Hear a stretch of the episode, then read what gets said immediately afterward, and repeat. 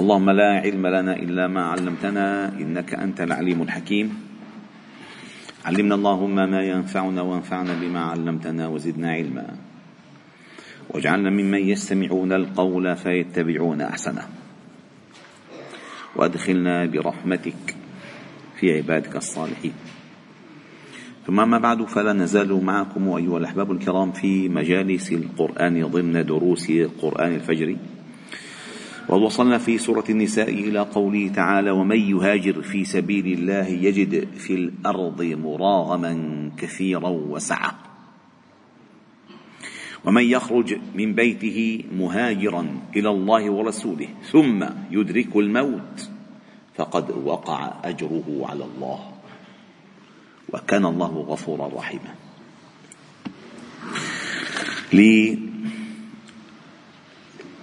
اتساق ونسق وانتظام هذا الكتاب العجيب. ما إن تقرأ فيه آيات فتنتهي منها. ثم تأتيك التساؤلات الضمنية عما سيقع بعد إلا وتأتيك وتبادرك الآيات بالأجوبة المفحمة المسكتة. فنحن كنا نقرأ أو نتدبر الآيات التي قبل. إن الذين توفاهم الملائكة ظالمي أنفسهم. طيب اللي هاجروا اللي هاجر شو له اللي هاجر ما الذي له؟ تأتي الآية ومن يهاجر في سبيل الله. يجد في الأرض ما أرض الله أرض الله واسعة في الأرض. مراغما كثيرا وسعة والمراغم مشتق من الرغم. والترغيم في التراب الترغيم في التراب يعني وضع هو اسم المكان. رغم أنفك ما معنى رغم أنفك؟ أي وصل أنفك من الذل من الذلة إلى التراب. فأرغمت على ذلك. رغم أنف أبي ذر. رغم أنوفهم رغم مرغم أي وصل التراب أو وصلت أنوفهم إلى التراب من الذلة والانكسار. فهذا المهاجر الذي خرج في سبيل الله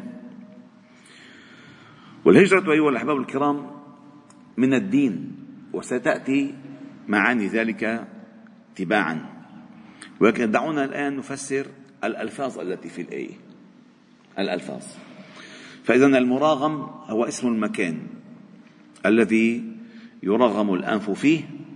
فإذا إذا خرج الإنسان مهاجرا في سبيل الله يجد في الأرض عوضا عن الأرض التي تركها ما يرغم به أنف عدوه. فإنه اضطهد وكان ذليلا بين ظهران المشركين.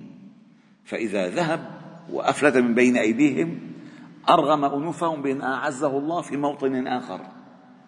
وأظهر الله له دينه في بلد آخر. ونشر الله دعوته في مكان آخر. فرغمت أنوفهم. فيجد في الأرض مراغما كثيرا. وسعا والله جل جلاله قدم المراغم على السعة حتى تصحح النية. حتى لا تكون الهجرة فقط من أجل الراحة المالية والمادية والدنيوية. بل الأصل أن يجد أن يجد الإنسان لنفسه سعة في تطبيق دينه لا فقط سعة في تحصيل دنياه. والله جل جلاله وعد أن الذين هاجروا في الله من بعد ما ظلموا لنبوئنهم في الدنيا حسنة. وهذا الذي حصل مع الصحابة. الصحابة الكرام المهاجرون الأوائل الذين مدحهم الله جل جلاله في كتابه جاهدوا وتركوا أموالهم وأراضيهم وأبناءهم لنبوئنهم في الدنيا حسنة. كل المهاجرين الأوائل مكنهم الله تعالى إن لم تكن في الأراضي بل في في أراضي قلوب الناس إلى يوم القيامة. هذا من المهاجرين الأوائل. فقال لنبوئنهم في الدنيا حسنة ولا دار أو ولا أجر الآخرة أكبر.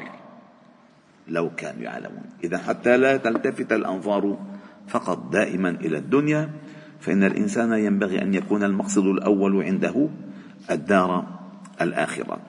وكثير من الناس يتوهم أن في الهجرة شتاتا بعد الألفة. وفقرا بعد الغنى. وذلا بعد العز. وشدة بعد الرخاء.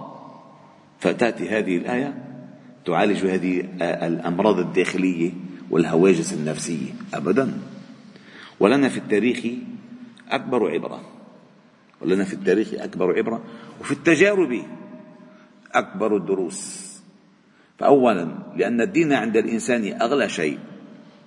فإن همه الأول أن يبحث عن المكان الذي يستطيع فيه أن يقيم الدين. يبحث عن المكان الذي يستطيع فيه أن يقيم الدين.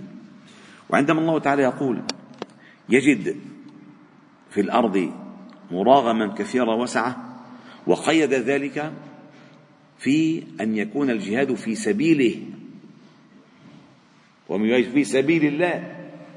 والله وين رايح؟ والله ما بنعش البلد ليش حيبقى بنعش البلد كنا نطلع ألف دولار عم نطلع 500 إذا هذه الهجرة ليست في سبيله هذه الهجرة في سبيل الدولار في سبيل الدينار في سبيل اليورو ليس في سبيله أما هو ما استطاع لا نستطيع أن نظهر ديننا لا نستطيع أن نأمر بالمعروف لا ننهى عن المنكر نقيم الشعائر لا نستطيع شيئا. فالدين لا نسمع الأذان يا أخي. لك في مدن إلى الآن بالعالم تعرفوها لا يسمع فيها الأذان. أبدا.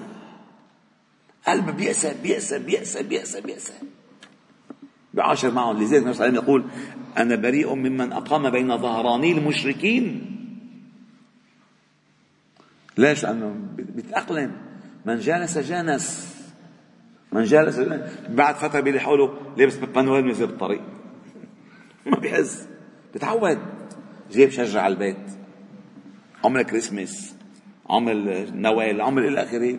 بيتأقلم البيئة هي الأساس المساعدة والذي ينبغي أن يفتش عنه الإنسان في آه، تحريه دين الله جل جلاله. وورد في سبب نزول هذه الآية أن أحد الصحابة الكرام واسمه جندب ابن ضمرة وكان في مكة. وقد بلغه وهو في مكة قوله تعالى إن الذين توفاهم الملائكة ظالمي أنفسهم. قالوا فيما كنتم؟ قالوا كنا مستضعفين في الأرض. قالوا ألم تكن أرض الله واسعة فتهاجروا فيها فأولئك مأواهم جهنم وساءت مصيرا. فجمع بنيه وقال لهم احملوني فإني لست من المستضعفين. وإني لا أهتدي إلى الطريق وإني لا أبيت الليلة بمكة. ومريض فحملوه على السرير.